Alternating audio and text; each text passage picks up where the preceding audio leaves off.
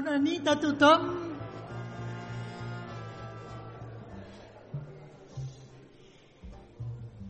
En nom de totes les entitats que formen la tribuna Carrera, doncs avui ens reunim en aquest claustre meravellós i després d'unes jornades en què precisament l'Hospital de Campanya ha convocat altres hospitals, hospitals de campanya de diferents llocs on hem, ens hem trobat i hem pogut compartir tot allò que fa, es fa segons la voluntat, la voluntat del papa francès d'obrir esglésies a tots aquells que ho necessiten i que nostra església fos com un hospital de campanya. Avui ens reunim en aquests sopars, és la tercera vegada, però es fa d'una manera molt especial.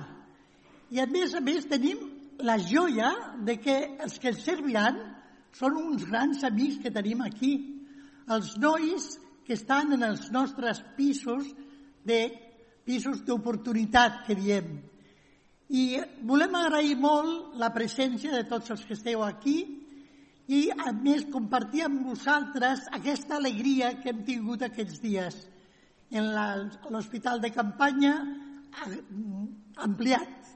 Aquí hem vingut fins i tot de Jordània, d'Amman, de Brasil, d'Assunció del Paraguai, de Mèxic, de Palermo, d'Amman, de Jordània, i cada un ens ha pogut parlar de tot allò que es fa en diferents llocs del món obrint l'Església a tothom i sobretot als més necessitats. Bona nit, bon profit i que tots ens ajuntem en aquesta meravellosa vetllada d'aquesta nit. Gràcies a tots.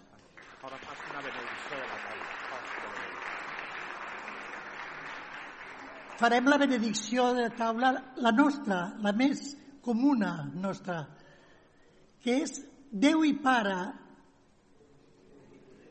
Déu i Pare, no, no omnipotent, provident, Déu i Pare provident, així ho va dir del, el nostre eh, Verdaguer, Déu i Pare provident, en sa divina paraula, beneix aquesta taula i a tots nosaltres. Amén.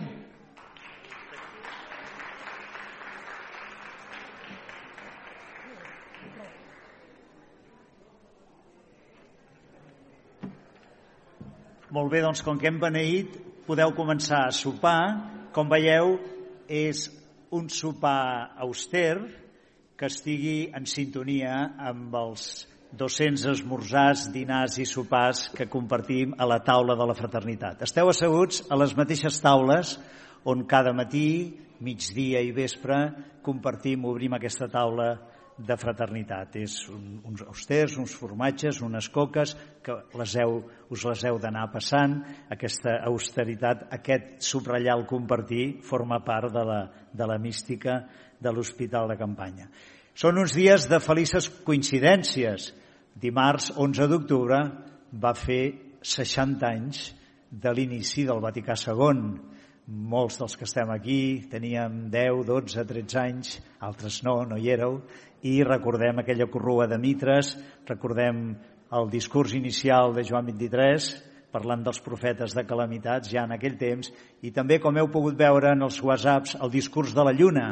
Estem en la nit, també participem d'aquest esperit. Hem tingut aquesta trobada de diversos vuit hospitals de campanya d'arreu del món i demà, demà divendres, a dos quarts de vuit a l'Església, hi haurà la primera mundial de donar a conèixer els primers resultats d'aquesta enquesta que, per voluntat del papa francès, s'ha dut a terme, diguéssim, simultàniament al, al moviment de les diòcesis de tot el món que feien arribar a Roma les seves propostes sinodals, el papa va posar en marxa una xarxa qualitativa per voler saber què pensen de Déu i de l'Església els que viuen a les perifèries existencials, els sense sostre, els allunyats, els agnòstics. Va nomenar el jove teòleg milanès Sergio Massironi que coordinés es van triar unes quantes ciutats a cada un dels cinc continents i Sergio Massironi va connectar amb la Teresa Forcades del monestir de Sant Benet de Montserrat per coordinar aquesta recerca i ella va connectar amb Càritas, amb la Vicky Molins. I el nostre ponent d'aquesta nit, l'arcabisbe de Lima, primat del Perú, Carlos Castillo, és l'assessor d'aquesta consulta que el papa ha volgut fer eh, a nivell d'Amèrica Llatina. Demà divendres a les 7.30 tindrem Sergio Massironi en persona, Teresa Forcades i Carlos Castillo.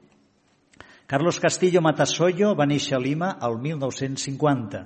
Com a jove president de la Unió Nacional d'Estudiants Catòlics del Perú, va ser testimoni dels inicis de l'aplicació del Concili Vaticà II a Amèrica Llatina, així com del sorgiment dels primers esbossos de la teologia de l'alliberament. Va estudiar Sociologia a la Universitat de San Marcos i va exercir de professor d'aquesta matèria a la Universitat de Cerro de Pasco. Seguint la crida vocacional, va realitzar tots els seus estudis de filosofia i teologia a la Universitat Gregoriana de Roma, on va ser ocasió de conèixer-nos alguns que estem aquí aquest vespre. Després de ser ordenat prevere el 1984, va obtenir el doctorat en teologia amb una tesi sobre la conversió a Bartolomé de les Cases, un dels primers dominics que va defensar els indis. Això va ser el 1987. Retornat a Perú, va alternar la docència a la Universitat Catòlica amb l'acció pastoral en parròquies populars. Nomenat vicari episcopal per a la joventut de la diòcesi de Lima el 1996, va dinamitzar noves formes d'associacionisme juvenil catòlic d'acord amb els nous temps. És un conferenciant molt sol·licitat, almenys ho ha estat fins ara, sobre pastoral juvenil, teologia i espiritualitat encarnada a Amèrica Llatina, a Itàlia, a Espanya. Compta en diverses publicacions i traduccions, sempre molt atent a l'evolució de la interacció entre teologia i pràctica pastoral. Ha fet les seves pròpies aportacions a l'entorn d'una teologia de la regeneració. Des del 2019, el papa Francesc el va anomenar arcabisbe de Lima i primat del Perú i ha hagut d'afrontar com a pastor els efectes de la pandèmia.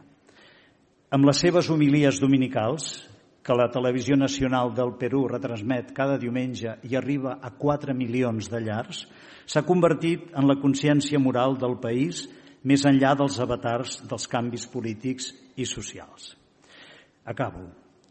La seva forma característica d'abordar la realitat es basa, com comprovareu de seguida, en una sàvia combinació del seu coneixement concret de l'acció pastoral, la seva sòlida formació teològica amb una especial atenció als referents bíblics més importants i una gran sensibilitat humana. Carlos, benvingut, estàs a casa teva.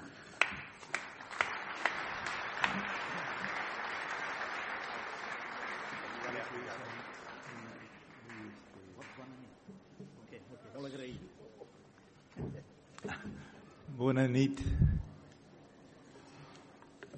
Eh, Bon vespre a tothom. Me me lo han puesto por escrito. ¿eh? Estic molt content d'estar avui aquí. Eh, en el sol obert ja fa tants anys per, pel gran bisbe Juan, Joan Carrera.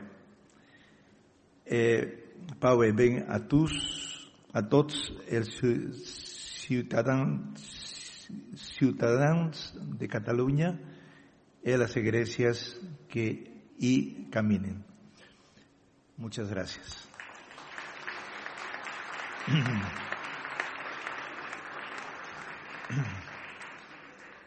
Bien, hermanos y hermanas, muchísimas gracias de encontrarnos. Vamos a compartir algunas cosas que me han pedido eh, para en esta comida con ustedes, especialmente mis amigos eh, Pello y Javier, que eh, presiden en, el Señor esta, esta casa, hospital de campaña que se ha abierto hace ya unos, unos años con tanta calidad. Bien, eh, quería conversarles hoy día sobre los hospitales de campaña, de su presente, de su horizonte y de su futuro.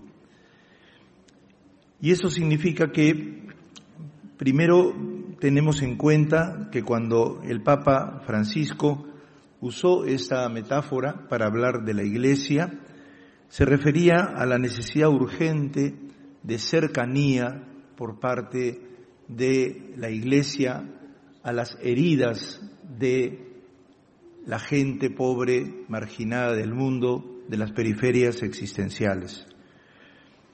Y decías, tanta gente herida, tanta gente herida, que nos, nos pide cercanía, que nos pide aquello que pedían a Jesús, cercanía, proximidad.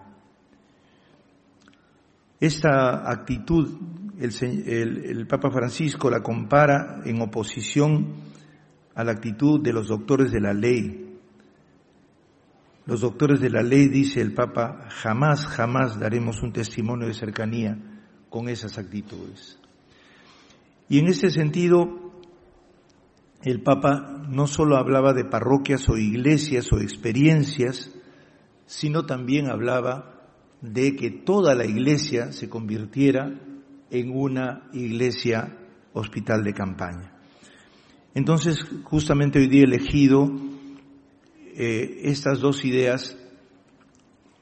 ¿Qué cosas son las iglesias hospitales de campaña que se han creado y con las cuales hemos podido disfrutar en este encuentro que gracias a Dios se ha realizado? Llamamos encuentro mundial porque son las que existen hoy día en el mundo. Eh, y todo lo que hemos aprendido, quisiera resumir algunas notas de lo que es la iglesia hospital de campaña concreta, cada una, y por, lo menos un resumen de las ideas principales que hemos podido extraer de, este, de, este, de esta confrontación, de este encuentro, o sea, lo que llamamos el presente concreto del trabajo de estos años, con algún pequeño resumen y observaciones mío, y en segundo lugar, quizás ver el horizonte grande en el que necesitamos vivir esta experiencia, que es todo el proceso de reforma de la Iglesia, que es tan lento todavía y que requiere evidentemente paciencia, pero que requiere también la presencia de eh, iglesias concretas que vayan mostrando cómo va el camino del restañar las heridas y enjugar las lágrimas de la gente. Y por último, dentro de este horizonte, ¿cuál sería el futuro? Y el futuro es un futuro muy difícil, como dice el Papa, un futuro accidentado, pero un futuro fascinante, en el que tenemos que entrar porque tenemos que asumir la cruda realidad que se está viniendo. Empecemos por lo primero entonces, el presente concreto del trabajo de estos años. El presente de nuestras iglesias de campaña que hemos podido compartir, hospitales de campaña que hemos podido compartir, eh, en primer lugar tienen todas esas notas que el Papa dice, acercarse a las heridas, tocar las heridas, la carne humana sufriente de los pobres. Y lo interesante es cómo se han ido convirtiendo poco a poco, desde el tocar las heridas, en comunidades eh, pluriformes, en donde hay personas cristianas que son en su mayoría voluntarios y simultáneamente hay la relación con gente de varias periferias distintas pero en donde la nota fundamental es el aprendizaje a vivir en común, a compartir una vida juntos. Quisiera decir que mucho nos ha entretenido el poder explicar que se hace mucho trabajo social, pero no es la Cáritas ni una ONG.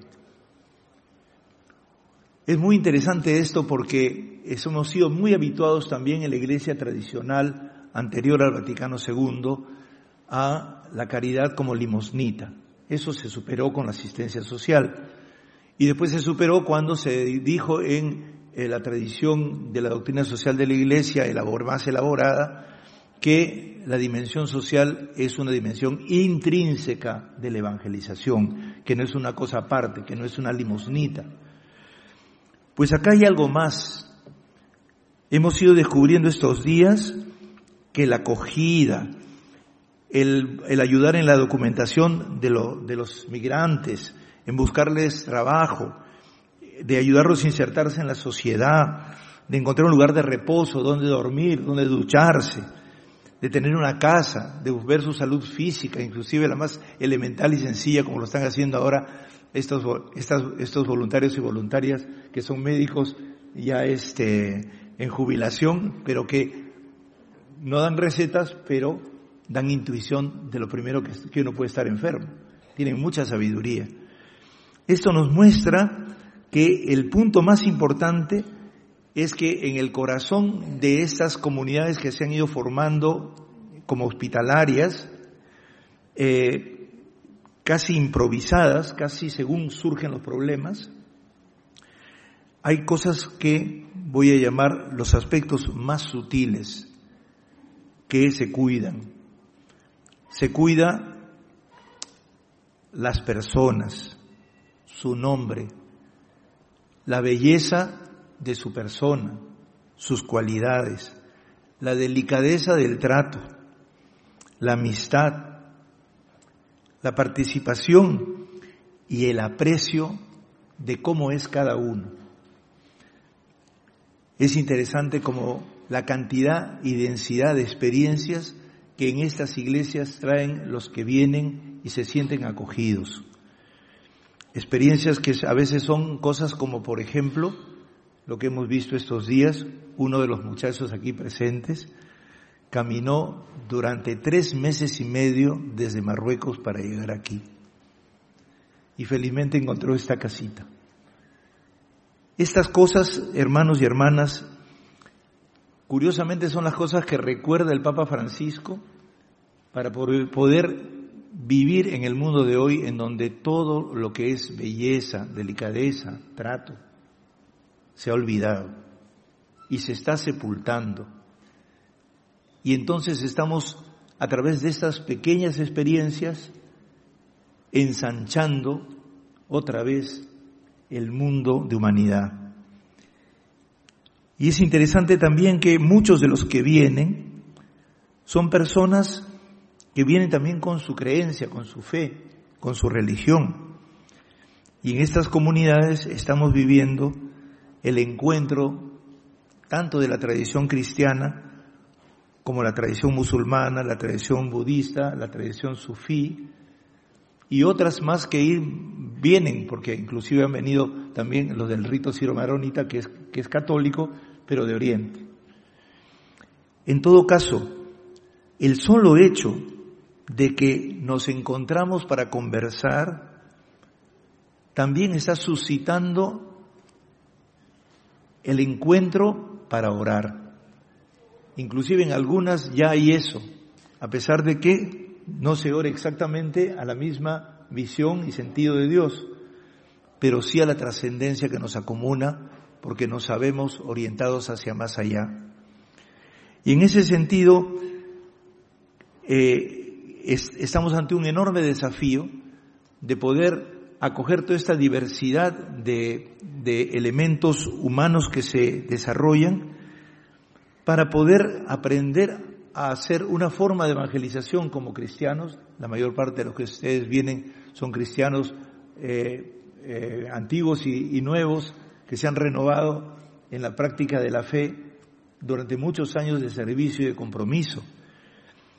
Y uno de los defectos que ha tenido nuestro catolicismo siempre ha sido un cierto proselitismo religioso, que no podemos hacer en este caso, porque tenemos que respetar el camino propio que cada uno tiene, que gracias al Vaticano II que hemos celebrado estos días, de hace 60 años, se despertó el sentido del respeto, porque el Espíritu Santo vive en todos y es necesario ver qué camino el Espíritu Santo ha hecho en cada persona, en cada comunidad, en cada experiencia religiosa.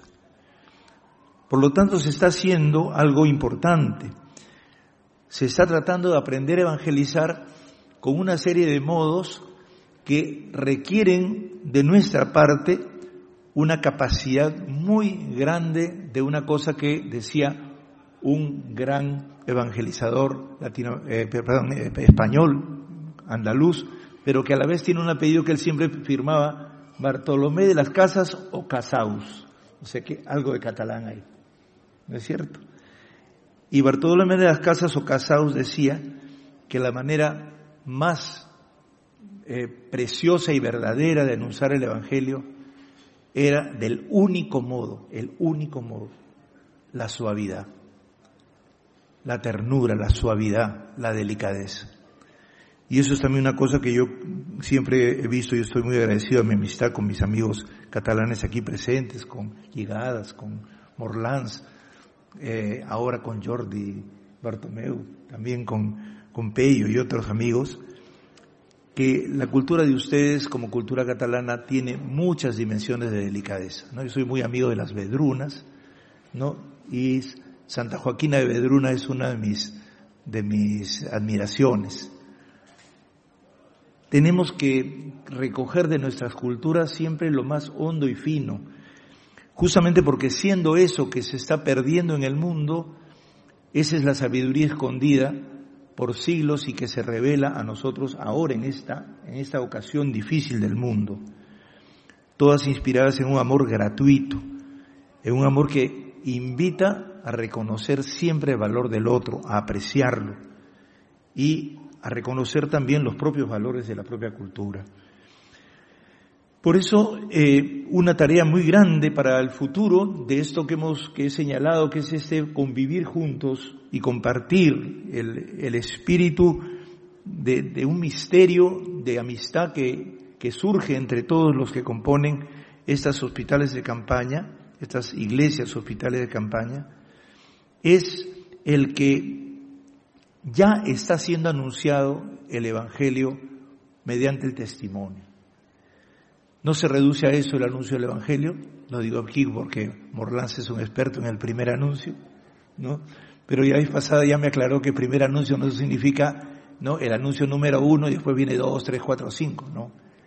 El primer anuncio es el principal anuncio que siempre debe procurarse, que es el Evangelio de la alegría y del amor.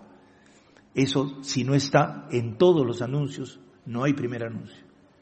Lo que pasa es que la gente creía que primero, como dice el Papa en la carta a los, a los jóvenes, ¿no? Creen que el primer anuncio es el primero, alegría, todos los jóvenes felices, y después viene, ¿no? Vienen charlas, o sea, aburrimiento, dice el Papa, ¿no? El primer anuncio siempre es el, el anuncio fundamental que tiene que persistirse, que es siempre el amor.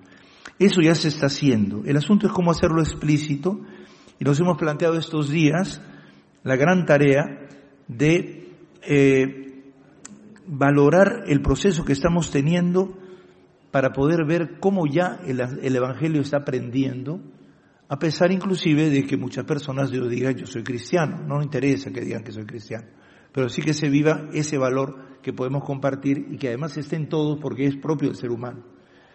Si hemos sido creados a imagen y para ser semejantes a Dios, quiere decir que todos tenemos la capacidad de amar, porque Dios es amor. Y eso cuando se desarrolla entre culturas, entre gente y, por medio de la cercanía, es una beta fecundísima para tener un anticipo de lo que queremos del mundo. Y yo creo que esas iglesias, hospitales de campaña concretas, están anunciando cómo será el futuro también. En ese sentido me parece admirable cómo los voluntarios ahora han ido cambiando. Los voluntarios ahora dan más tiempo, casi todo el tiempo. Antes daban unas horitas nomás, cada día se enamoran más. Y también los acogidos que le llamamos, ¿no? Resulta que ahora son sujetos, actores, que están tratando de, generar también ellos dentro de la comunidad de las, las iglesias hospitales de campaña una serie de experiencias que los vuelven sujetos humanos libres, creyentes en su propia tradición religiosa, pero siempre solidarios, partícipes de esa comunidad de nuevo tipo. Y por lo tanto, tenemos la experiencia de una unidad, pero que no es uniforme. Es una unidad en diversas experiencias de personas que de diversas tradiciones religiosas hacen la experiencia más noble del ser humano, que es que ser hermano y hermano. Por eso quisiera eh, decir estamos construyendo en estas iglesias hospitales de, de campaña concretas, se está dando una cosa muy interesante. Se está dando el prototipo de una construcción de un hombre y una mujer nuevos. ¿Qué es lo que está pasando con el problema principal de las transformaciones sociales que vienen desde los años 60 y que no tuvimos muy en cuenta? El hombre nuevo la mujer nueva. Hasta los grandes revolucionarios soñaban con el hombre nuevo, pero el hombre nuevo se ha convertido en el viejo hombre que busca solamente sus intereses. Y en este momento se presenta como hombre nuevo el hombre libre que invierte y saca con la mayor maña posible ¿no? el dinero que pueda, especulando o haciendo que alguna gente se sufra para que uno pueda ganar más, como está pasando en tantas industrias de tanto tipo, que no digo que es de todos los industriales, no porque hay gente, gente muy honesta que está haciendo y trabajando por los demás, pero que hay esta especie de borrachera de la ilusión, de la especulación después de este problema que hemos tenido, esa novedad y problema de los años de la globalización que han dado mucho dinero, pero que es dinero que debemos para pagar dentro de 70 y 80 años. Así que tenemos 70 y 80 años completamente empeñados. Cada uno nace con una deuda debajo del brazo. En ese sentido, es importante resaltar que el Papa Francisco llama la atención sobre esta necesidad de salir del ser humano encerrado y peleador por una identidad perfecta y por un yo absolutamente desarrollado que arrolla contra todo el mundo. Heidegger decía que somos arrojados a la existencia y decía también que el hombre es un ser para la muerte. Es interesante que los modernos parten del nacimiento, no parten del engendramiento. Todas las culturas humanas han partido del engendramiento. Y por eso en las culturas humanas universales, antiguas, está la idea de que se es engendrado para nacer. O sea que cuando se nace, se nace para renacer. Si yo el principio lo coloco en el nacimiento, como un arrojo además, porque yo no sé si ustedes a todos los tiraron al suelo. A ver, levante la mano uno que haya nacido y lo han arrojado al suelo y lo han tirado a la calle. A todos nos arroparon, nos pusieron un nombre, nos hicieron la fiestecita, nos cantaron, ¿no? Y la mamá nos cantaba. Todos somos engendrados, por menos por ahora, en el seno materno, y la mamá nos da fluida y gratuitamente su sangre, su aire, su respiración y su canto que nos ordena todos los ruidos. Y eso es la brújula para vivir, ese es el sentido de la vida, el amor gratuito, sin medida y sin ponernos condiciones. La mamá no puede decirle al niño que tiene en la barriga, no, si te portas bien, te doy fluido, si no te mueres. Nada. Nueve meses a punto. Después ya sale y tendrá que empezar a concebir el niño dónde es el espacio, dónde es el tiempo, cómo es, cómo calcula, cómo, cómo lucha por la vida pero sí tiene el sentido del gratuito amor, que es el que lo guía por la vida y es el que queremos olvidarnos y al cual le hemos llamado moral. Pero la moral no es una cosa que la ponemos nosotros, es el sentido que está en las cosas, el sentido no solamente se da, el sentido se acoge, nos es dado gratuitamente. Y toda esa fenomenología que gracias a Dios, gracias al avance de las reflexiones sobre la vida de la mujer, se están conociendo, nos están ayudando mucho a comprender que hay cosas que no hemos trabajado y que todo el proceso moderno nos ha hecho olvidar cosas elementales que tienen y tenían que estudiar si no se estudiaron. Hay un filósofo eh, italiano, Silvano Zucal, que dice que no ha existido una filosofía del nacer. No sabemos qué es el nacer filosóficamente, porque no hemos contemplado los aspectos más hondos. Y ahora que tenemos acceso por cámaras a los niños, podríamos hacer esa filosofía y nos negamos a hacerla. Y las mujeres mismas también han contado el fenómeno que les sucede a ellas cuando, cuando engendran, que es muy interesante. Por ejemplo, una cosa que he leído, las mujeres dicen, cuando estoy encinta me tengo que anchar. Y los antojos que yo tengo no son de míos. Yo no, a mí no me gustan los chocolates, pero al niñito que viene le gustan, pues ¿qué voy a hacer?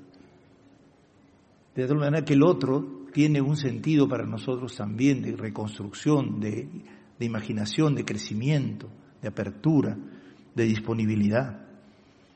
En ese sentido, estos elementos que, están presentes en la vida de, nuestra actualidad humana, en, la, en estas pequeñas iglesias donde estamos, en cierto modo se comparten, se, se, se sabe aprender a vivir en la intemperie de la vida acompañados y por tanto en movimiento.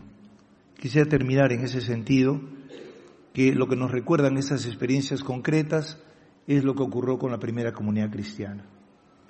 Vivida la comunidad cristiana en la crisis del imperio romano, en donde además dentro del pueblo de Israel las tensiones y las, las luchas por el poder terminaron primero con la destrucción del templo y luego con la guerra judía y luego con la expulsión de los hebreos del haz de la tierra, los mandaron a todas partes y desapareció Israel hasta los años 60, 50, 60 del siglo pasado, eh, vivido así, la comunidad cristiana tuvo que entenderse, por eso es que en todos los evangelios Jesús está en camino, pero sobre todo la que se concibe como la comunidad en camino a la intemperie es la de Juan. Y por eso su rito ya no es la Eucaristía sentados a comer. Porque no es una comunidad estática, es el lavado de los pies, es la comunidad caminante a la intemperie. ¿Por qué menciono esto? Porque ya esto me sirve de paso a la segunda parte, el horizonte de un mundo roto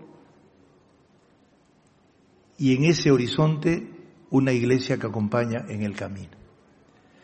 El Papa Francisco, por la enorme intuición con que se maneja los estudios que él trata de que le presenten y le cuenten. Ustedes saben que el Papa cada 15 días tiene una reunión con estudiosos del mundo sobre la economía, sobre la sociología, la política, es al día de todo. Y luego hace síntesis y la intuición básica de cómo vigar la, la barca de Pedro en medio de esa situación. Y una de las cosas más grandes es que él insiste en que cada día el mundo se parece más a una situación dispersa en donde se necesitan hospitales de campaña para acompañar y la Iglesia tiene y tendrá esa labor como la principal. En ese sentido, él decía ya en la Evangelii Gaudium, si queremos reformar la Iglesia, tenemos que renunciar a ciertas estructuras que aún siendo buenas, ya no sirven para la evangelización y exigen ser cambiadas. Entiendo perfectamente que todos nos acostumbramos a lo tradicional y lo repetimos. Es propio de los ritos. Rito significa la repetición del mito. Pero, ¿qué pasa? Que si la experiencia cambia, los mitos que se elaboran para interpretar la experiencia también cambian. Y por tanto los ritos también tienen que cambiar. Y estamos ante eso actualmente ante una nueva experiencia humana peregrina, en donde el mundo se está dispersando. Estamos entrando en una crisis tremenda, en donde inclusive la posibilidad, el Papa ya lo ha dicho hace poquito, en su, su clamor por detener la posibilidad de la Tercera Guerra Mundial, el Papa está entendiendo que la nueva experiencia humana de dispersión y de conflicto debe ser vivida por todos nosotros como un clamor para unir a la humanidad. Probablemente es lo mismo que le pasó a Jesús. En el conflicto de su pueblo prefirió él morir en la cruz y, no mostrar el rostro de un Dios vengativo que se baja de la cruz y mata a sus enemigos y se polariza con todo el mundo, más bien como aquel que, entrando en lo profundo de la vida del ser humano, le da una mano diciéndole, incluso habiendo hecho el mal que has hecho, tienes oportunidad porque el Dios te perdona. Este, esta situación difícil de Jesús que yo creo que tenemos que volver a leer los evangelios al interior de una gran crisis para poder entender la nuestra y nuestra misión, en un mundo cada vez más fracturado como el Papa ha señalado y en crisis epocal, no en crisis pasajera, en esas crisis que Ferdinand Brodel dice eh, son las crisis de cuatro, de tres, cuatro, cinco siglos, en donde los problemas inmediatos parece que fueran inmediatos, pero son históricos. Lo que pasa es que los vivimos como anecdóticos y creemos que son anécdotas y no lo son. Y por lo tanto hay que reparar en cada cosita que se dice, porque estamos resolviendo problemas grandísimos que se han acumulado durante siglos.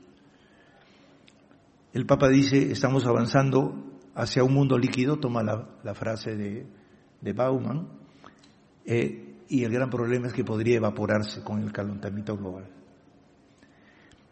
El asunto es cómo mirar lejos sabiendo que el mundo se está deshaciendo, sin pensar detener la historia y más allá de los intereses propios que nos enseguecen y nos impiden hacer proyectos realizables. El Papa dice, los únicos proyectos realizables tienen como base la hermandad. Los dos que algunos nos están proponiendo como proyectos realizables. La destrucción de una guerra para quizás volver o imaginar que vamos a volver a la situación de la, posguerra, la, la post-segunda guerra mundial y no de otra vez reconstruiremos con un plan Marshall todo. Eso es una quimera, porque el poder destructivo hoy día es muchísimo más grande. Y en segundo lugar, quienes lentamente van a ir destruyendo la sociedad basada en la ciencia a costa no de la, ciencia sino del cientismo, a causa del uso de la humanidad, especialmente joven, para experimentos, y para así poder desarrollar la super raza humana, el transhumanismo que estamos conociendo que anda pululando por el ambiente. En cualquier caso, el Papa dice que viendo más lejos, que se viene un mundo fracturado, pongámonos en los zapatos de la humanidad peregrina que se, se avisora como tendencia, en donde entonces estamos ante el desafío de una enorme economía excluyente, de un crecimiento de la pobreza, de una acentuación de la guerra a pedacitos, del peligro de una guerra mundial,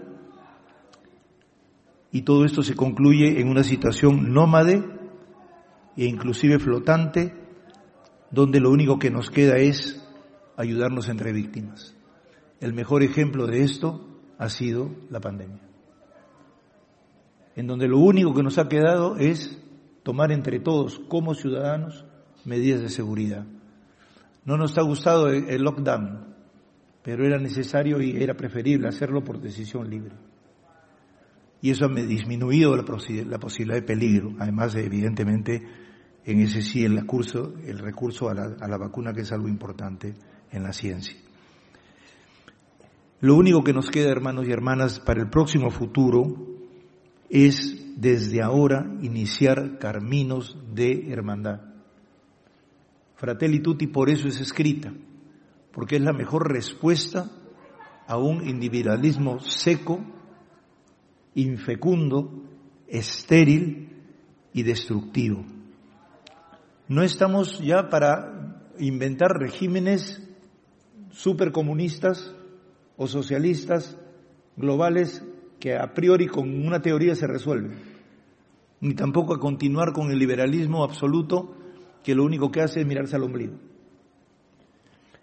necesitamos desde los pobres mismos recomenzar intuitivamente desde la sabiduría popular. El Papa cuando estuvo en el Perú fue a la selva, llegó a la selva directamente, ¿no? a, la Amazonía, Madre de Dios, y dijo, ustedes, eh, eh, eh, comunidades nativas de la selva, he leído varios relatos de ustedes y allí en esos relatos ustedes están ya avisorando cómo va a ser el mundo futuro. Porque quien lo sufre sueña el mundo verdadero. Y entonces una de las cosas bien interesantes que ahora han mencionado mi querido amigo eh, Javier, es que el Papa por eso ha mandado diseñar un esfuerzo de teologías desde las periferias. Hemos recolectado cerca de 20.000 eh, frases de los pobres en el mundo, en los cinco continentes, marginados de todas partes del mundo, inclusive en Europa. Y es muy interesante porque a partir de allí, ahora vamos a articularse un poquito más para presentarse en el sínodo eh, de la sinodalidad, y lo que les queremos decir es que se cumple lo que el Papa dice, la sabiduría popular tiene una intuición y un nivel de profundidad que uno puede sacar conclusiones para muy largo plazo porque es, es la, el anuncio del sentido de las cosas. Y es que nos hemos olvidado, pensamos que el único conocimiento es el conocimiento científico, está bien, tiene su tarea, o el conocimiento matemático, o el conocimiento filosófico, pero hay el conocimiento sabio de los dichos de la gente, ¿no? La pasada estaba en una, dando una, una charrita, una conversación con los universitarios, y, yo me habían elegido padrino de la, de la promoción de la UNI, que es la Universidad de Ingeniería, donde todos pues son gente atea o, no creyente, eh, porque eligen al, arzobispo padrino de la, de la, de la promoción. Y entonces una chica se levanta y dice, porque nosotros aquí ninguno va a misa y no vamos a ir, pero nuestra fe nadie nos la quita. Cosa muy interesante y paradójica, ¿no? Porque en el fondo están buscando una nueva manera de vivir las cosas, que no implique las admoniciones permanentes de los curas de que no van a misa, etcétera, y reducen todo, eh, toda la vida cristiana a ir o no ir. Como dijo el Papa, dejen un catolicismo de padrecito, ¿se puede o no se puede? Y más bien haga un cristianismo libre de reflexión, con libertad, con hondura, con iniciativa. En ese sentido, la Iglesia Universal como hospital de campaña para este tiempo es en el que entramos justamente porque se trata de un mundo peregrino en todas partes del mundo. Que no nos extrañe que cualquiera de nosotros estemos en esa condición también acá. Porque podemos tener aún estabilidad, pero las estabilidades se van a ir rompiendo una por una, porque debemos mucho dinero y nos van a cobrar. En ese sentido, hermanos y hermanas, nosotros estamos como invitados por el Santo Padre a pensar con grandeza de visión qué cosa es ser iglesia hospital de campaña en el conjunto del universo humano, universalmente. O sea, una iglesia que siempre acompañe y siempre dé la vida por los otros. Nos desafía enormemente, porque implica lo que él llama antes la iglesia misionera. Estar en misión implica que cada uno de nosotros hagamos lo que podamos para salir. Me encanta que los que son voluntarios aquí, que son muchos son mayores, ¿no? Asisten jubilados, están ayudando. Y además son excelentes porque conversan con los chicos jóvenes aquí presentes. Es, es muy importante eso. Todos sentirnos útiles y todos sentirnos peregrinos un nuevo tipo de ser humano decía que se está formando y ese ser humano es un ser caminante, como siempre fue el ser humano. Y por eso nosotros tenemos que aprender a caminar nuevamente. En ese sentido, quisiera decir que todos los esfuerzos que el Papa está haciendo actualmente van en esa línea. Primero tenemos las dos encíclicas sobre estos dos temas capitales. El problema de la crisis ecológica y el problema de la hermandad en la humanidad en medio de los populismos egoístas que se desarrollan en el mundo. Segundo, el Papa invita a la sinodalidad. La nota principal que ha agregado a todo este hospital de campaña que es la Iglesia a nivel universal es caminando, conversando, decidiendo, discerniendo, ¿no? y trabajando juntos. Y este invento del Papa, que es un invento en realidad de la primera iglesia, ¿se acuerdan de esa frase? Nosotros y el Espíritu Santo hemos decidido, ¿no es cierto? Eso es sinodal. Juntos vemos los problemas y empezamos a decidir la vida de la iglesia. Eso implica sobre todo eh, unidos evidentemente al pastor, tanto local como también universal, y sobre todo sabiendo que las iniciativas están para ser compartidas y dichas. Uno de los problemas más grandes que hemos tenido en la educación después del Concilio de Trento y todavía con sus rezagos después del Concilio Vaticano II es que todavía permaneció el, el, arriba y abajo, ¿no? Yo estoy arriba y yo mando y tú obedeces. Se eliminó el sentido crítico, se eliminó la capacidad de decir lo que yo siento, y tenemos subjetividades achatadas, destruidas, que tenemos que recuperar. Y todos debemos ayudarnos mutuamente a recuperar nuestra subjetividad viva, los valores y las actitudes y las vocaciones propias de cada uno. Y no hay cosa más linda que un, pobre encuentre su vocación, ¿no es cierto? Y en medio de toda su pobreza, ¿no? es una persona genial que tiene tales y cuales inclinaciones que pueden llevarlo a lograr algo interesante en la vida. En ese sentido, debemos esforzarnos por encontrar en esta tarea que el Papa está haciendo a nivel mundial nuestros medios para poder colaborar con ello. Por ejemplo, el esfuerzo denodado que está haciendo para que la paz sea posible hoy día en el caso de Ucrania y Rusia. Y hay otras gentes que, por ejemplo, como laicos han tomado iniciativas. ¿no? Ustedes saben que hay un movimiento que le llaman la, la diplomacia no oficial. ¿no? La, diplomacia improvisada, que se meten a poder solucionar esos problemas de paz por amigos que tienen aquí y allá. El esfuerzo ecuménico que está haciendo el Papa también tiene consonancia con el esfuerzo ecuménico de los hospitales de campaña. Y aquí una cosa muy importante, eh, el partir siempre de los pobres en todas las naciones, que es como nosotros partimos en estas iglesias. Quería decir que uno de los problemas que tenemos es que no todos en las iglesias locales siguen de la misma manera. Yo pertenezco, pertenezco a la iglesia local de Lima y no todas las parroquias son iguales. Hay unas que se parecen más a la, vuestra, ¿no? A la de acá, eh, pero otras no. Pero también eso está dentro del proceso, ¿no? Es un proceso desigual y combinado, que necesita paciencia también y no desesperación, y al contrario, implica una pedagogía del compartir para ir convenciendo poco a poco. La sinodalidad tiene esa maravilla, que como nos reunimos en asamblea y discutimos todo, hasta los enemigos tienen muchas cosas que decir. Y entonces las compartimos y debatimos y llegamos a acuerdos.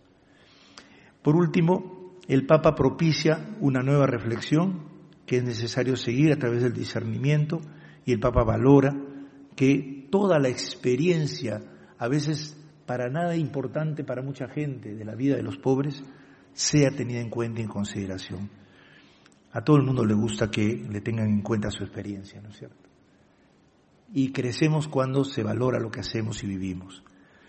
El futuro entonces, siendo este el horizonte, tiene como significación lo siguiente. Será un futuro accidentado. El Papa dice, más me gusta una iglesia accidentada que una iglesia enferma. Porque la iglesia enferma es la iglesia que está encerrada en sí misma y no tiene nada más que decir que sí misma. En cambio, la iglesia accidentada es que sale pues y se enferma en el camino por haber hecho un intento. Morir en el intento es mucho más interesante que morir sin intentar. En ese sentido, quien muere en el intento vive. Quien muere porque no intenta muere de muerte eterna. Así vivió. Una vez habían dos políticos en el Perú y Pablo Neruda le preguntó, ¿no?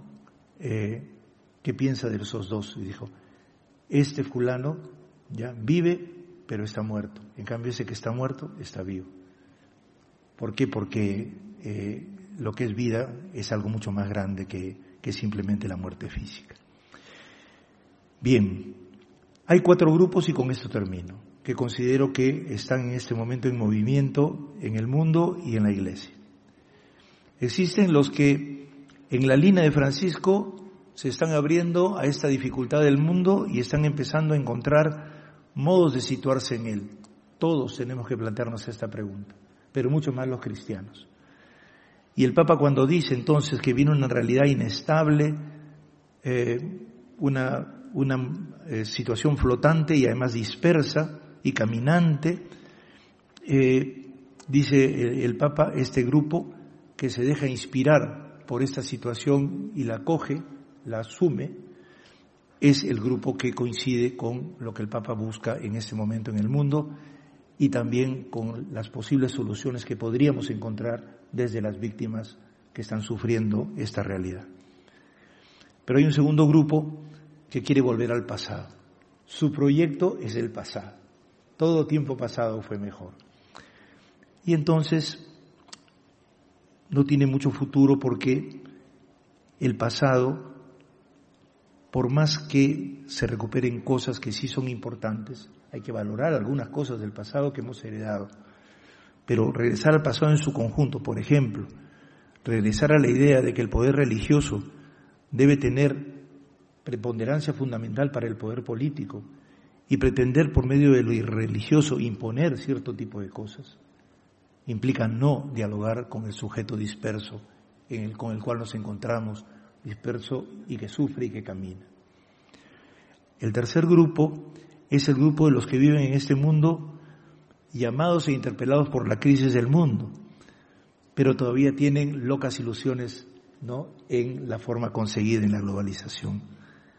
Déjenme decirles que según todas las, los, seguro a mí de repente alguien sabe más que yo, pero no, de hecho, no, ya yo me he consultado por eso, pero los indicios es que no, no vamos a una época de prosperidad.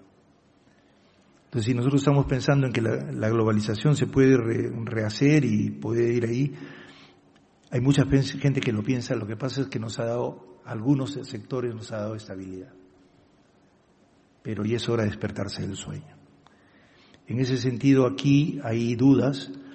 Por ejemplo, sé que en varias partes del mundo a los jóvenes los entusiasma mucho toda esta, esta eclosión de, de la intromisión de la ciencia en la vida personal.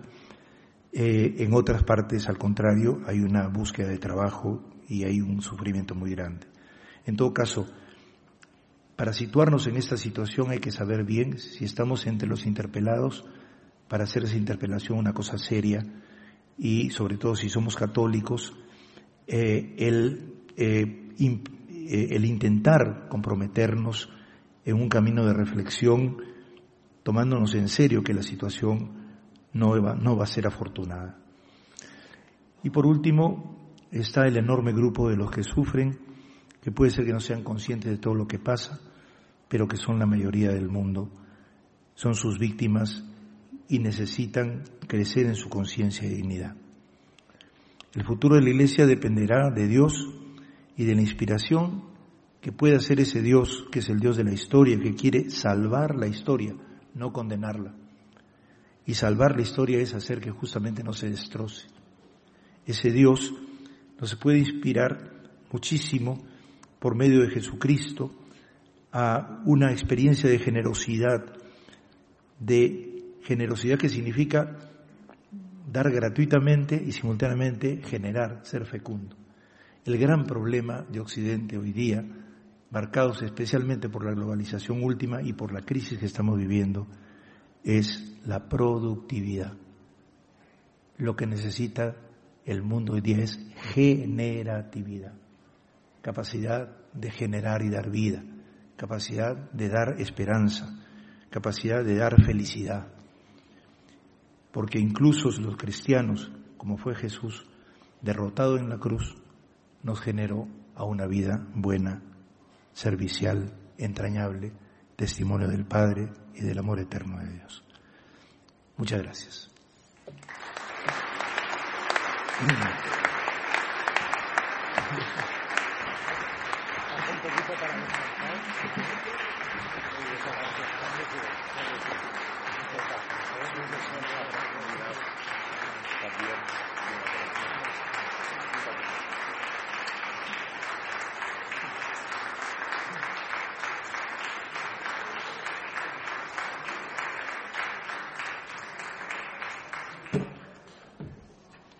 Muchas gracias, muchas gracias Carlos por esta ponencia suave en la forma, pero firme en el fondo, interpelante, reconfortadora, esperanzadora.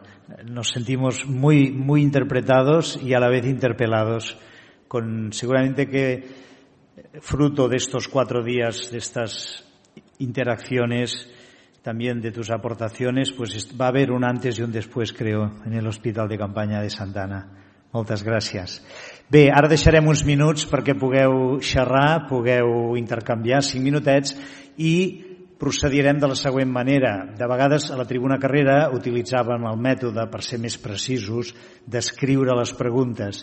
Aquest vespre ens ha semblat que aquí en aquest eh, claustre gòtic, que per cert, oi que sopar en un claustre gòtic dignifica?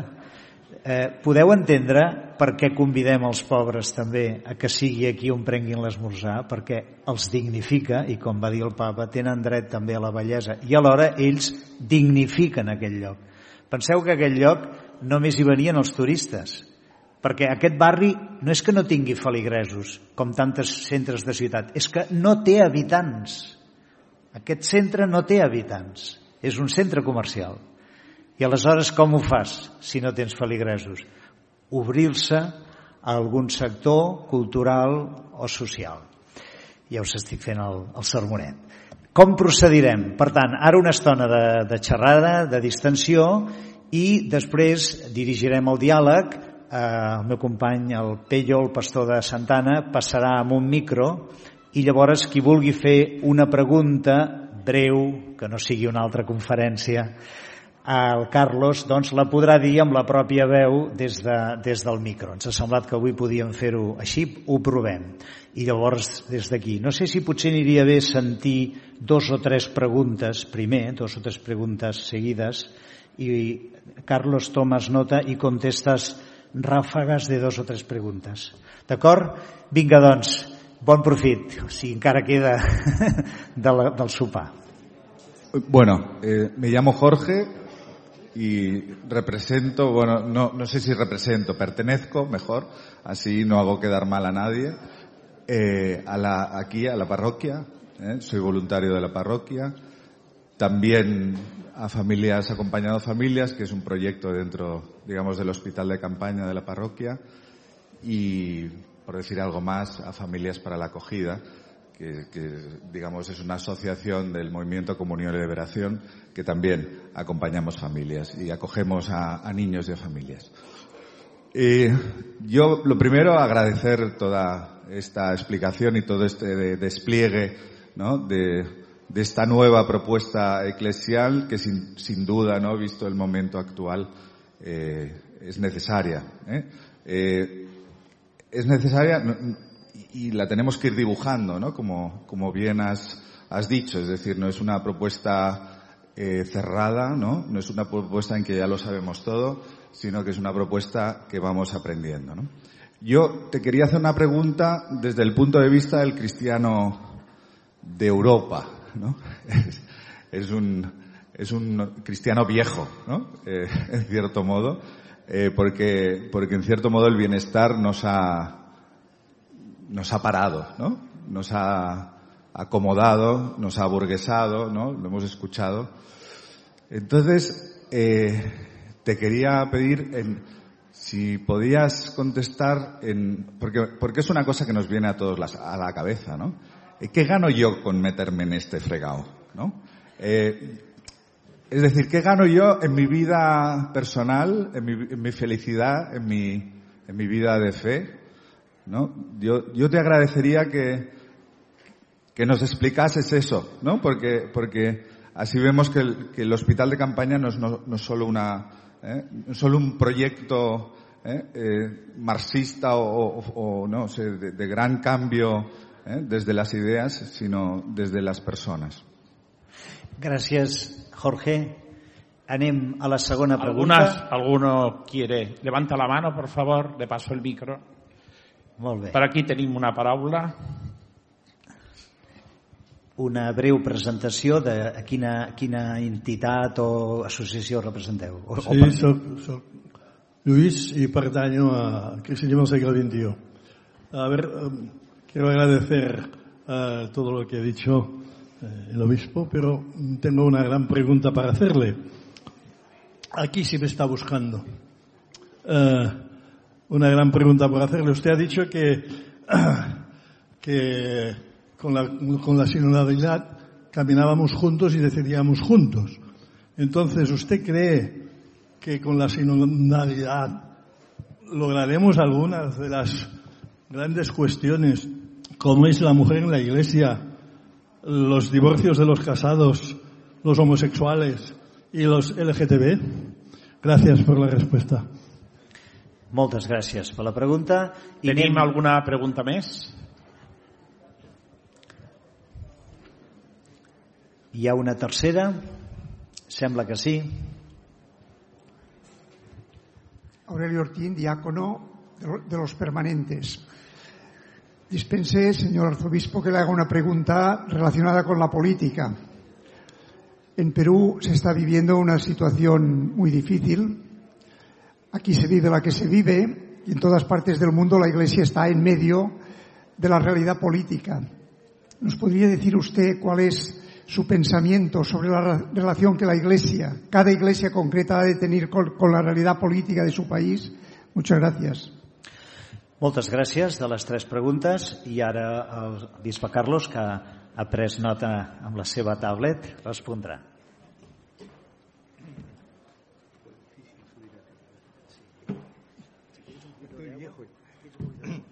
Ya no funcionan las piernas, ya. Bueno. Eh, bien, respecto a la primera, que es difícil evidentemente porque nosotros sabiendo, bueno, en el caso de Europa, sin duda hay un más, más largo periodo de bienestar, ¿no? En el caso de América Latina, eh, para ponerte el caso último, eh, el proceso globalizador de los años 90 hasta hasta ya el 2008 más o menos, eh, generó una enorme ilusión, pero sí es cierto que se enriqueció un sector tanto dirigente empresarial como dirigente político y, con la, y la clase intelectual. Y también los curas, a pesar de que no son muy intelectuales en el caso peruano. Porque era el seto dirigente, pues, y es cierto que había el famoso chorreo, hubo un chorreo, un goteo de dinero, pero que, diríamos, creó la ilusión, porque se dio tarjetas de crédito a todos, la gente compraba crédito y ahora tiene que pagar. Y ahora se acabó los créditos y las, las, las, dádivas que, que, se daban antes. ¿no? En ese sentido, ¿qué, ¿qué ventaja, tú dices, qué ventaja tiene para mi vida personal o provecho Evidentemente no tiene que ver nada con el dinero, porque con esto no se gana nada. El asunto fundamental es que una cosa que nos ha dañado humanamente, porque lo dice Jesús en los Evangelios, ¿no? No pueden servir a Dios y al dinero. El dinero encierra, ilusiona, eh, mucho más si es más fácil y más accesible como acá, eh, pero emborracha también, ¿no? Y emborracha seriamente, porque, digamos, genera una manera de concebir el mundo que eh, pone todo en cantidades y la calidad humana se, se va por los, por los suelos. ¿no? Yo creo que es la única manera de explicar las crisis humanas que hay en Europa, ¿no? Las crisis de soledad, los abandonos, las rupturas, inclusive cosas como, como ahora es muy fácil cambiarse de exceso, por ejemplo, entonces muy bien, ¿no? Plata y se acabó pero me estoy jugando la vida, estoy tomando una decisión fundamental. No es tan fácil. Sin embargo, se simplifica y se piensa que todo técnica y, numerariamente eso va a producir fruto. Y lo que produce es un proceso degenerativo humano sin referentes, sin valores. ¿Se acuerdan que en la época que hablamos de la posmodernidad, ¿no? Se decía pues la, la especie de, de, debilitamiento de los valores, ¿no? El hombre débil. Pero un hombre sin referencias, ¿no? Bueno, eso tiene su correlato actualmente, ¿no? ¿Cómo llenamos las, las, las faltas de referencia? En gran parte se llenan, ¿no? Con más dinero, con juegos en la bolsa, con cambio de, de relaciones, con juego. Está bien, se puede seguir así individualmente, correcto, pero como sociedad en su conjunto estamos fracasando, pues, porque nuestras generaciones futuras no, no, no tienen noción de la complejidad de la vida. Si la vida está pensada toda como una medición económica, entonces al parecer van a tener futuro dentro de ese ambiente, pero ¿es vivir eso? O sea, el gran problema filosófico de ¿vale la pena vivir? está planteado directamente a nosotros.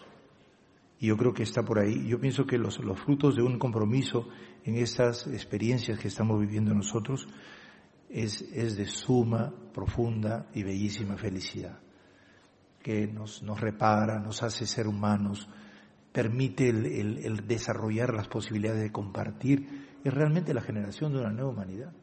Lo que pasa es que es tan chiquita que uno no piensa que ahí esté el, el núcleo del futuro, pero es como una semilla. El reino de Dios es como una semilla, no que se plantó un campesino en su huerto y surgió un árbol y ese, vinieron las aves del cielo a posarse sobre él. Bien, esa sería mi respuesta, ¿no? El, eh, lo que uno gana, si se puede llamar ganancia, no más que ganancia o provecho, es crecer en generatividad. Los estudiosos psicólogos de un tiempo, no sé ahora cómo es, ¿no? Pero sobre todo los trabajos de Eric Erickson muestran que la etapa más feliz del ser humano es cuando genera. Y cuando genera no solamente hijos, sino cuando genera creativamente cosas que valen la pena para, para dar vida a otros. ¿no? Lo que no más nos hace felices es eso. Y yo creo que en eso tenemos que plantearnos. ¿no? Y eso no es un problema solamente de las mamás, también de los papás, ¿no es cierto? De los, varones también. Por si acaso el primer varón eh, engendró a Eva, al revés. ¿No es cierto? Por eso en el Perú le llamamos a la mujer costilla. ¿no? Eh, eso tiene un misterio, no sé por qué razón está así, ¿no?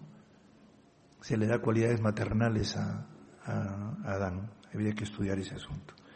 La segunda, eh, sí, eh, la sinodalidad escucha, comparte, discute, también discierne sobre criterios, especialmente los criterios del Evangelio, pero entre las cosas más importantes que tiene es que comprende. Y uno de los grandes problemas que tenemos antes de tomar decisiones sobre cosas que están pasando hoy día, sobre todo en Europa, pero que existen hoy día en todo el mundo con los LGTB, etcétera, es que antes de juzgar tenemos que comprender. Y dentro de eso hay que ver los límites que tiene tanto, tanto una manera de entender el género como otras maneras, una cosa es, por ejemplo, el tema de la mujer es muy importante en el asunto del género, porque no es posible que una señora que trabaja igual que un varón gane menos, por ejemplo.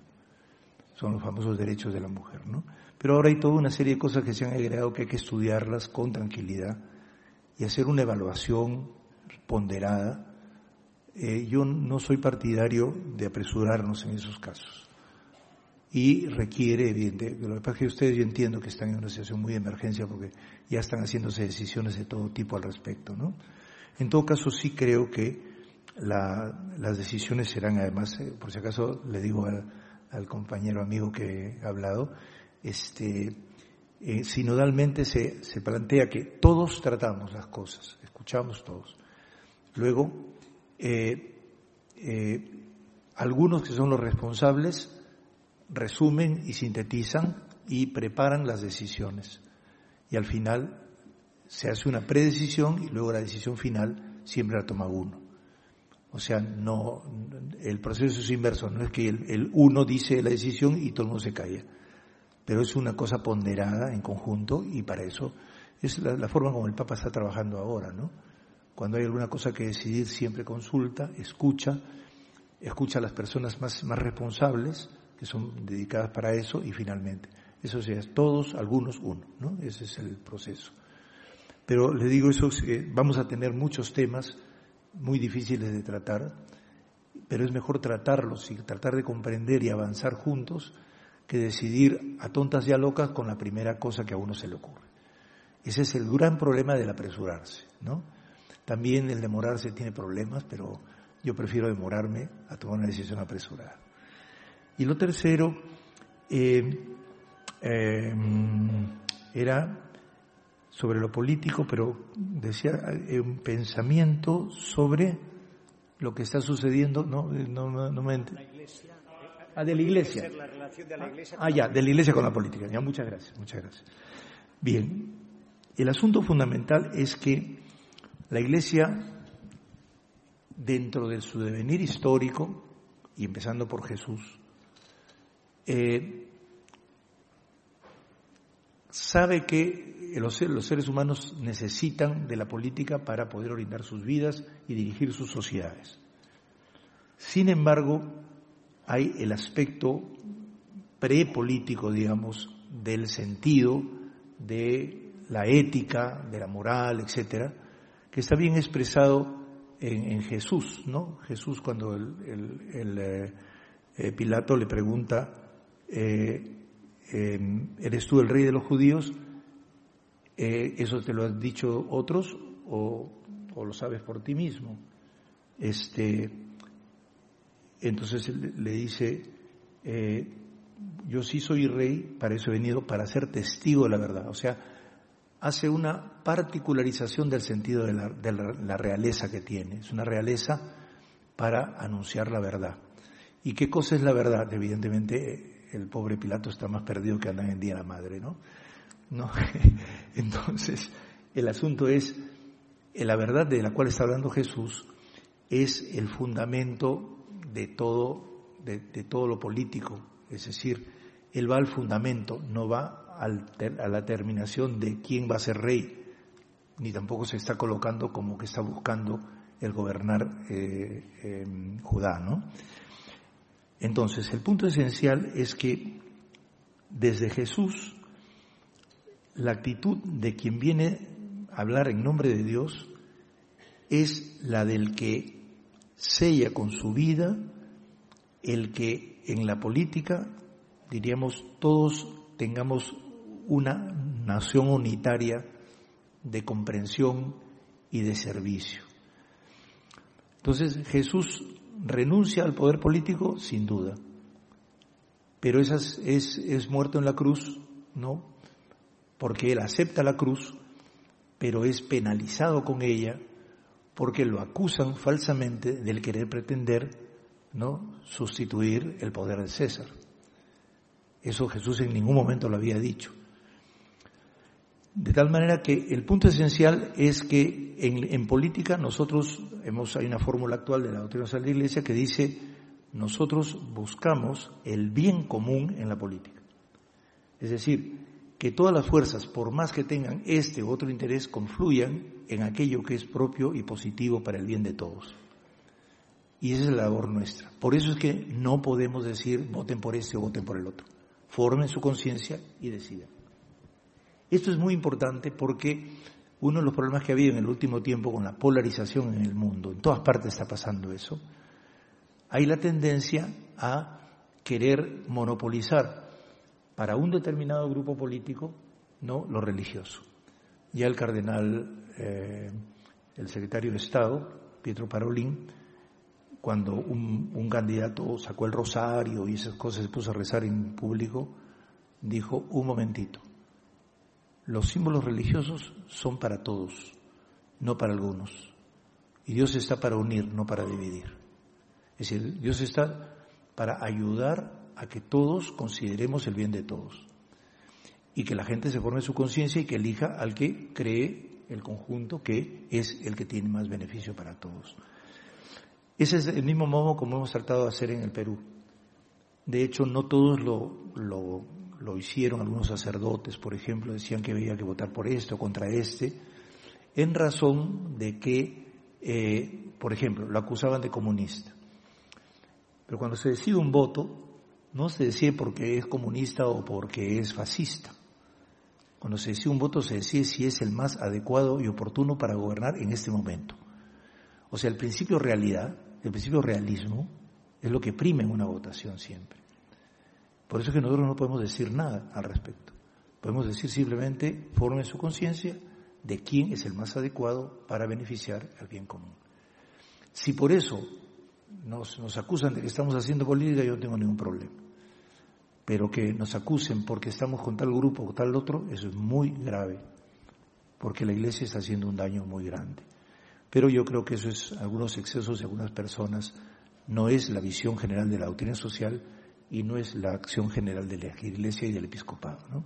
Y ahora que soy parte del Episcopado, me hago solidario con el Episcopado Mundial. Gracias, Carlos. Creo que tenim temps per una segona ronda. Yo creo que puedes permanecer Sí, aquí, si sí, te parece, sí, tomando nota. Estamos con el micro itinerante, somos seres itinerantes en la intemperia. Por d'on tenim... Sí? Molt bé.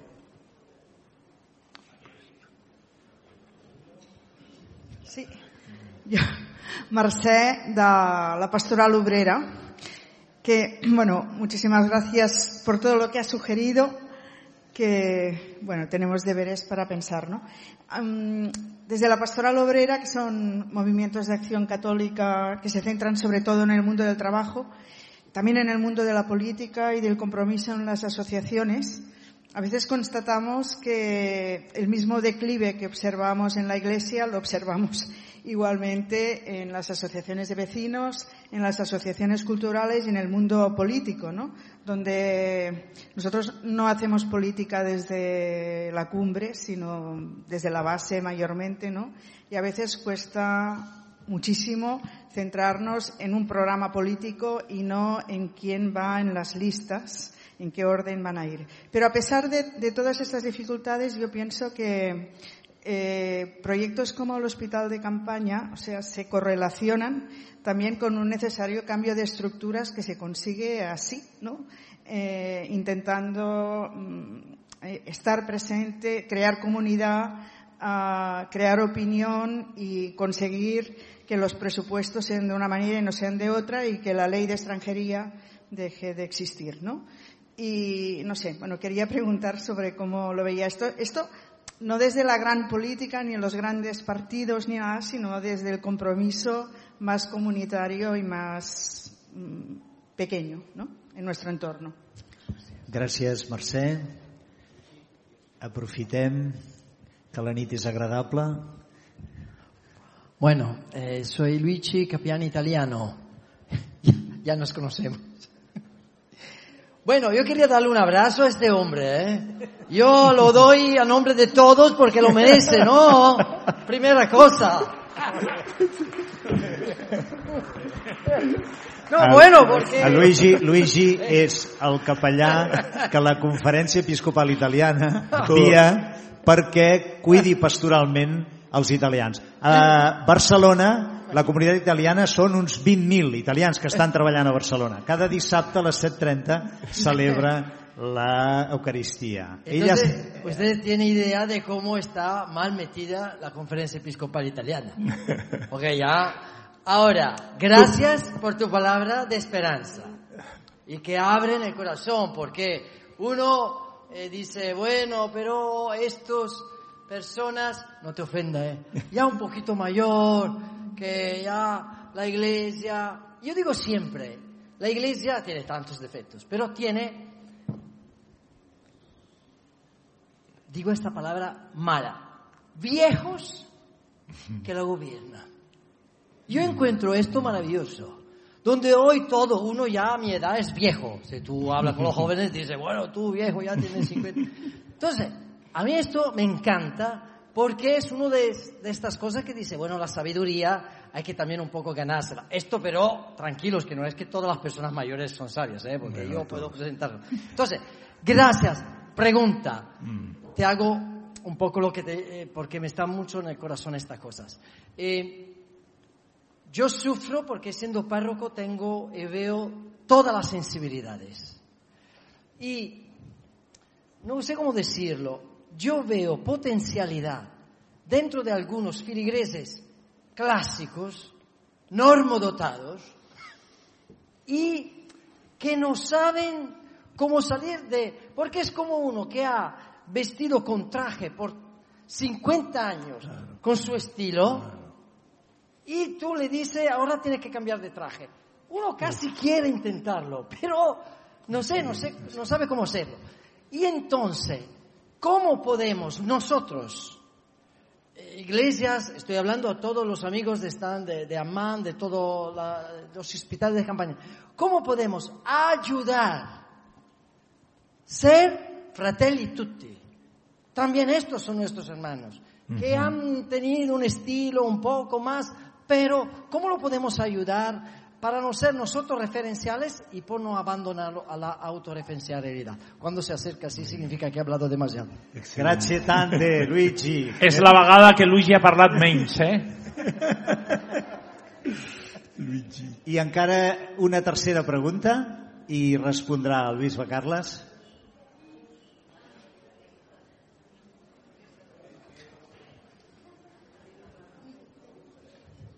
Hola, muchas gracias por todo lo que ha dicho, que me, ha entusiasmado. Entonces, yo tengo una gran preocupación, que es si el hospital de campaña se puede acercar un poquito a los presos de las cárceles que hay. Conozco un poquito lo que hay por Sudamérica. Aquí, agraciadamente, que igual estamos un poquito mejor, pero para mí son gente que necesita mucha ayuda. Y entonces esto a mí me preocupa mucho, la gente, los prisioneros. Y prisioneras, claro está. Bien, muy Si bien. hay alguna idea de hacer Gracias, alguna cosa. sí. Eh, moltes bien. gràcies. Ya. Tenemos ya tres preguntas. Carlos. A ver, sobre la primera no, no estoy ahorita últimamente al tanto más. Fui también este asesor de un sindicato hace años cuando era profesor de, de, de sociología en Cerro de Pasco, en el sindicato minero. Por eso conozco a los sindicalistas bastante. Eh, siempre el problema del, ha habido, no solamente ahora en la época de, crisis de las organizaciones, sino que siempre ha habido el problema de que asociarse para ciertas cosas, como es un fin muy inmediato, cambian los fines inmediatos normalmente salario, ¿no? Pero hay muchas cosas que se necesitan y no se ven porque los sindicatos estaban en esa época pues muy dirigidos a una sola cosa. En el Perú, por ejemplo, el SUTEP, que fue un sindicato de, de, de profesores, terminó siendo una especie de pelea por el poder porque había una derrama magisterial y entonces había que robarse el dinero, ¿no? Entonces se generaron mucho. Ahora, el asunto es que los problemas de diverso tipo, los problemas de diverso tipo continúan y muy bien se podían tratar eh, para comunarse y poder, por ejemplo, lograr las cosas que tú me has, planteado antes, ¿no? Eh, el asunto es qué camino lleva al asociacionismo o a la asociación. Y ahí viene el problema que hay cantidad de, de impedimentos ahora porque la gente no tiene trabajo, busca aquí, no tiene tiempo, eh, tendría que delegar que alguno lo haga. Hay muchos problemas para eso. Aunque en estas sociedades todavía hay gente que tiene un poquito más de tiempo, ¿no? Lo que yo plantearía sería, me parece, y eso es un poquito lo que yo creo que se hace aquí en la, en la comunidad y en otros lugares donde es posible hacerlo. Es decir, todos los que tienen problemas comunes, primero hay que partir de compartirlos y ver y destilar las cosas fundamentales. El- no puede haber asociación simplemente reivindicativa, por ejemplo. Es posible, puede haber eh, instantáneamente, después se deshace.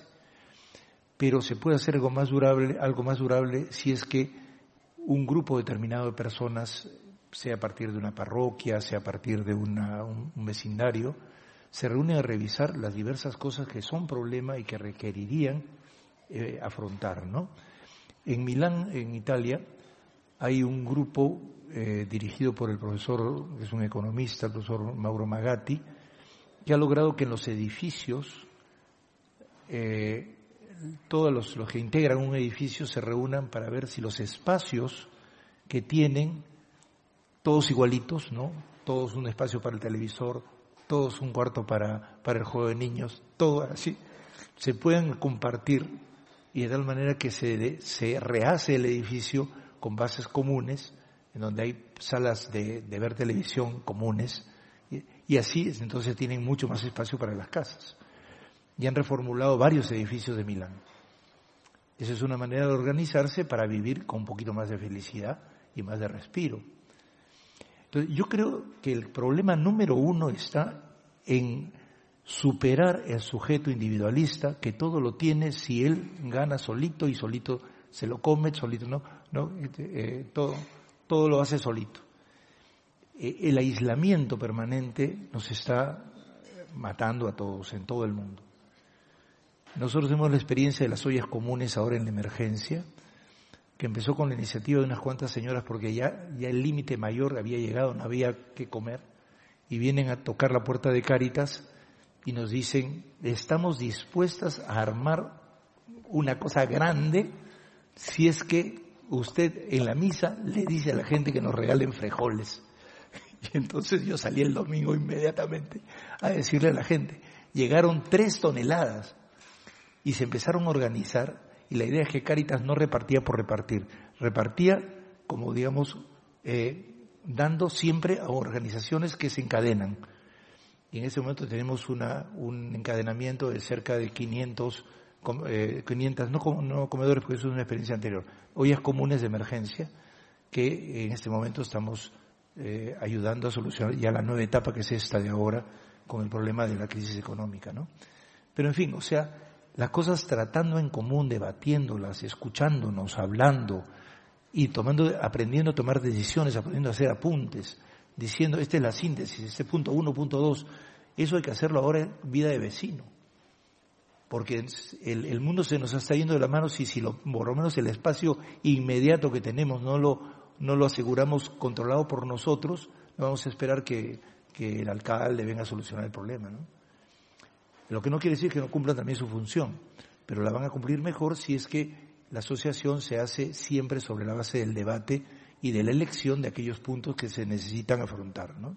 Ese sería mi, mi, digo por la experiencia que tenemos nosotros. No sé si solucionen algo, pero yo creo que todo lo que sea descansar, como ahora, ¿no? Estamos ahora reunidos, estamos conversando, ¿no?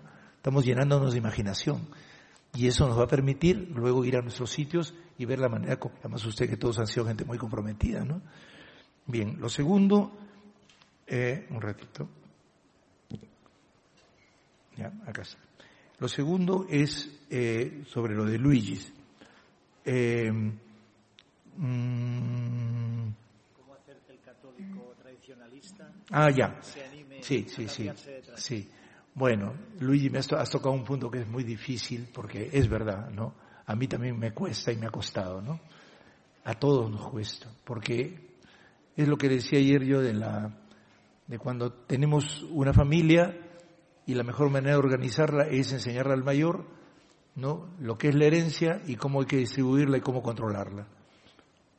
Evidentemente, eh, el último les hará muy difícil participar porque el que siempre el mayor conserva, pero hay otros que no, que, digamos no están para la conservación, sino para ir avanzando hacia el futuro. Entonces necesitamos reaprender muchas cosas. A mí me parece que va en la misma línea. Una de las cosas que no hacemos nosotros en nuestras vidas es hacer nuestras historias personales de vida que hemos hecho y de aprendizaje. Llevar una memoria, cómo fue mi vida, cómo adquirí las cosas, cómo encontré en esto una solución, qué, es, qué me ayudó en esto.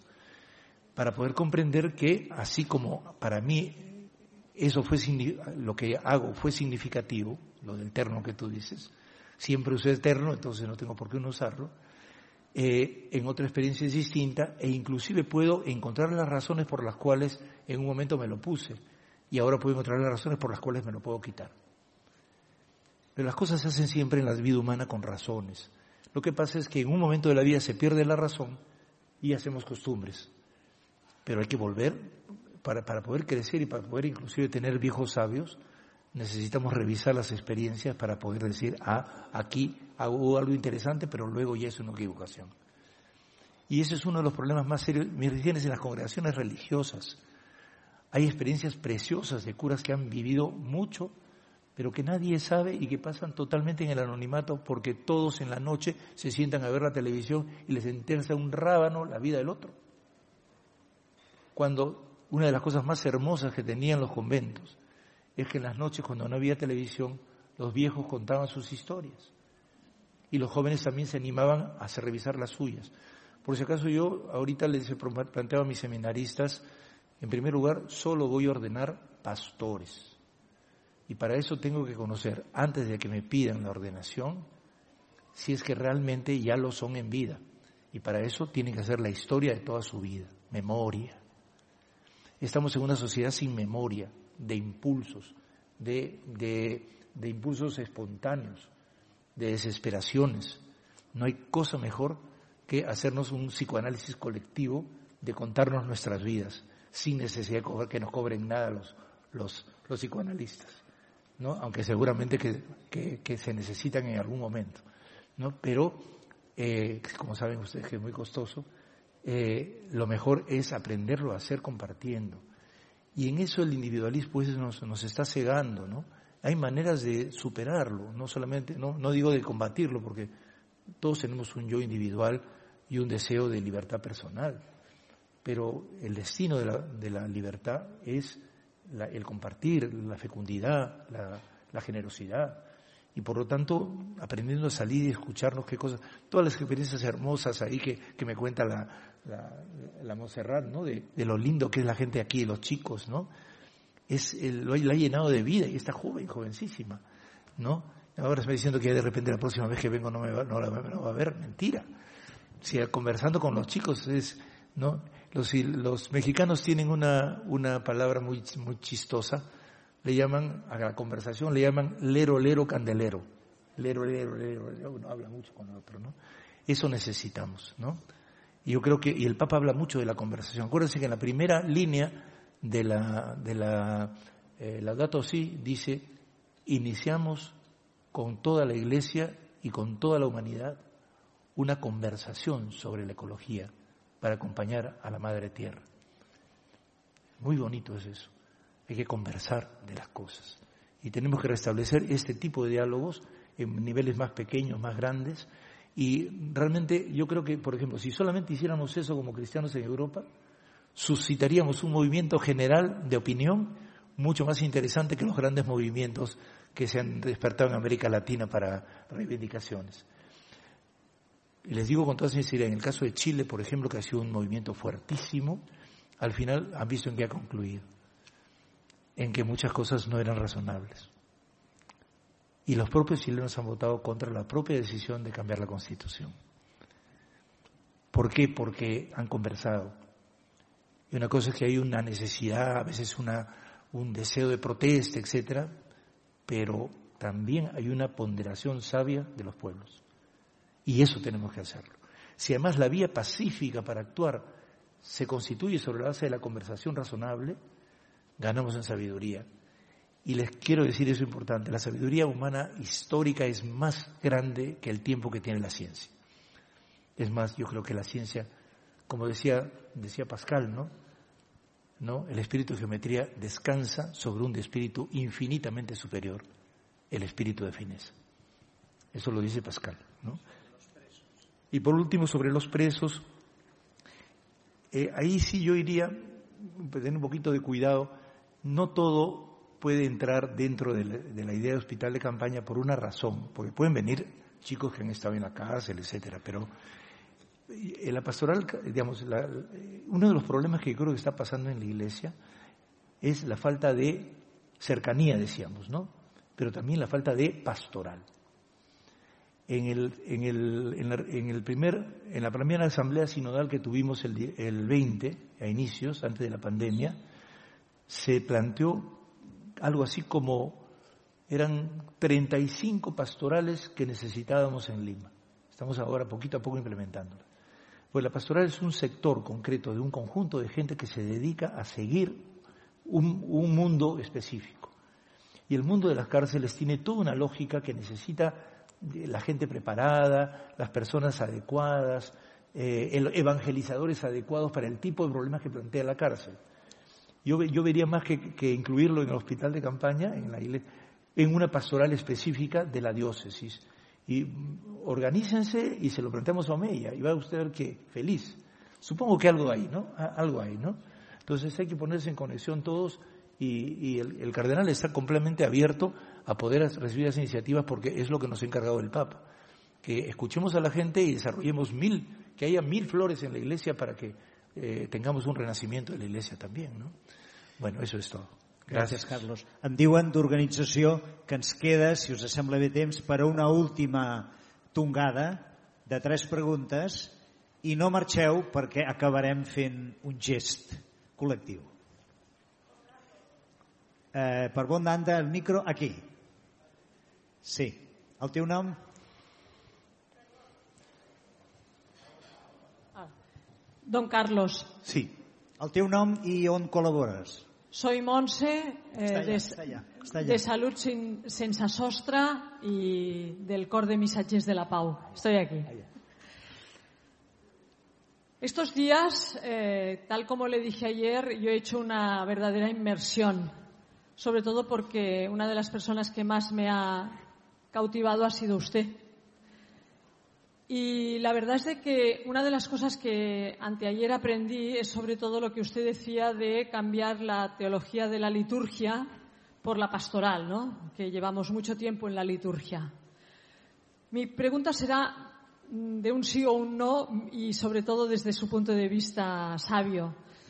Eh, ¿Usted no cree que el papel de la mujer hubiera tenido un papel clave, valga la redundancia, en todo este, en este mare magnum, en este hospital de campaña. Mire, eh, los apóstoles eran doce, aunque eran muchos más, pero las mujeres eran los que seguían a Jesús. En Salud Sensa Sostra somos tres hombres y como quince o veinte mujeres. Entonces te das cuenta de que en muchos ámbitos, en muchos ámbitos y sobre todo incluso en relación con, nuestros hermanos los más pobres, las que realmente en un momento determinado tienen un carisma especial es la mujer. Pues seguro que en la Iglesia también. Gracias. Muy bien. Muchas gracias, Montse. Un aplauso para ella. Qué lindo. Una segona pregunta d'aquesta última ronda.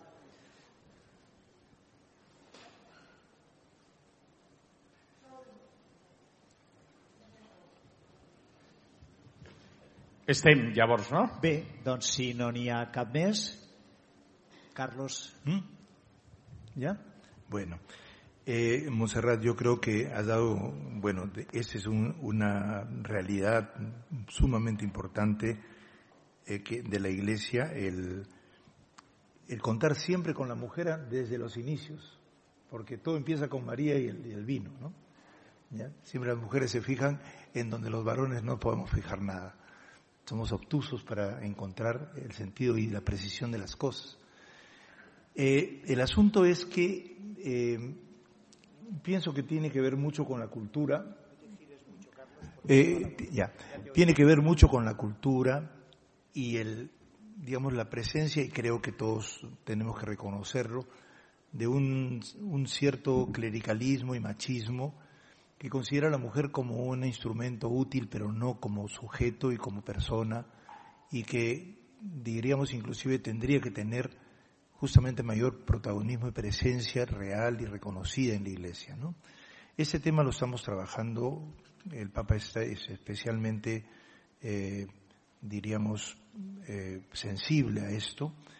Eh, lo que pasa es que hay como una serie de acúmulo de legislaciones y cosas que siempre han prescindido de la mujer, que no se pueden así superar de un momento a otro, pero creo que estamos en buen camino en el sentido de que en la sinodalidad, uno de los temas que creo que en el sino se va, se va a plantear justamente es la redefinición de la presencia de la mujer en toda la iglesia, ¿no? Eh, yo eh, sé que además hay muchas que están ya organizando ahora el, el sínodo en, diversas comisiones y lo más probable es que sea uno de los temas de sinodalidad más importantes. ¿no? Eh, se ha planteado, por ejemplo, en, las Lo importante es que ahora se hable y se diga y se diga dónde está y lleguemos al, al núcleo central del problema para que no se repita, para que lo superemos, por lo menos lo empecemos a superar desde la raíz misma. Porque si se trata simplemente de dar mayores funciones, eh, inclusive el tema de la ordenación, que es una de las cosas más, más complejas y más difíciles, porque hay toda una tradición ahí, eh, eh, el asunto es que también hay que, hay que plantear que no se convierta en ningún clericalismo al revés, ¿no? O sea, porque después puede pasar. Es, es como sucede cuando los chicos pobres llegan a ser sacerdotes y después son más tiranos que los ricos, ¿no? Porque sucede así, ahí se, busca el estatus, ¿no? Supongo que eso no es lo que se busca normalmente. Hay un deseo de participación y de, apoyo muy grande, ¿no? En el sínodo ese de la primera asamblea nacional que hicimos, una señora que fue la mamá de uno de mis amigos se levantó, ¿y cuándo nos ordenan de diáconas? ¿No? Y todo el mundo aplaudió y tiene razón, ¿no? Pues parece que está discutiéndose eso, por ejemplo, ¿no? Hay una, hay alguna experiencia en la historia de los orígenes en que hubo diáconas, ¿no? Las diaconisas, ¿no? Entonces, todas esas cosas son parte de lo que será la agenda del próximo tiempo. Entonces, llenémonos de paciencia, pero también de esperanza, porque el, Papa lo que dice es, justamente porque viene una nueva época y muchas cosas deben cambiar porque no vamos a tener un mundo estable como el que había y se va a necesitar otra manera de vivir la iglesia, aprovechemos para discutir las cosas y ver cuánto avanzamos. Yo creo que eso va, a ser interesante por eso. Por lo menos se les digo, se calcula que los que van a asistir al sínodo van a ser algo así como dos mil personas. O sea que el signo de la sinodalidad, y va a ser ya acá anunciado que se prolonga hasta el 24. O sea que la asamblea de los 2.000 que van a venir eh, el, 23, en octubre, tendrá una, una asamblea final ya el 24 para decidir todas las cosas básicas de la iglesia sinodal en el futuro. ¿no? Lo, cual quiere decir que no solo serán obispos, sino será un sínodo. Ah, sí, claro. Se llama sínodo los obispos. Se llama sínodo los obispos porque normalmente, eh, como en el Concilio de Jerusalén estaban los apóstoles, ¿no? Pero la participación es amplia, es amplia, sí. Muchas gracias, Carlos. Muchas gracias.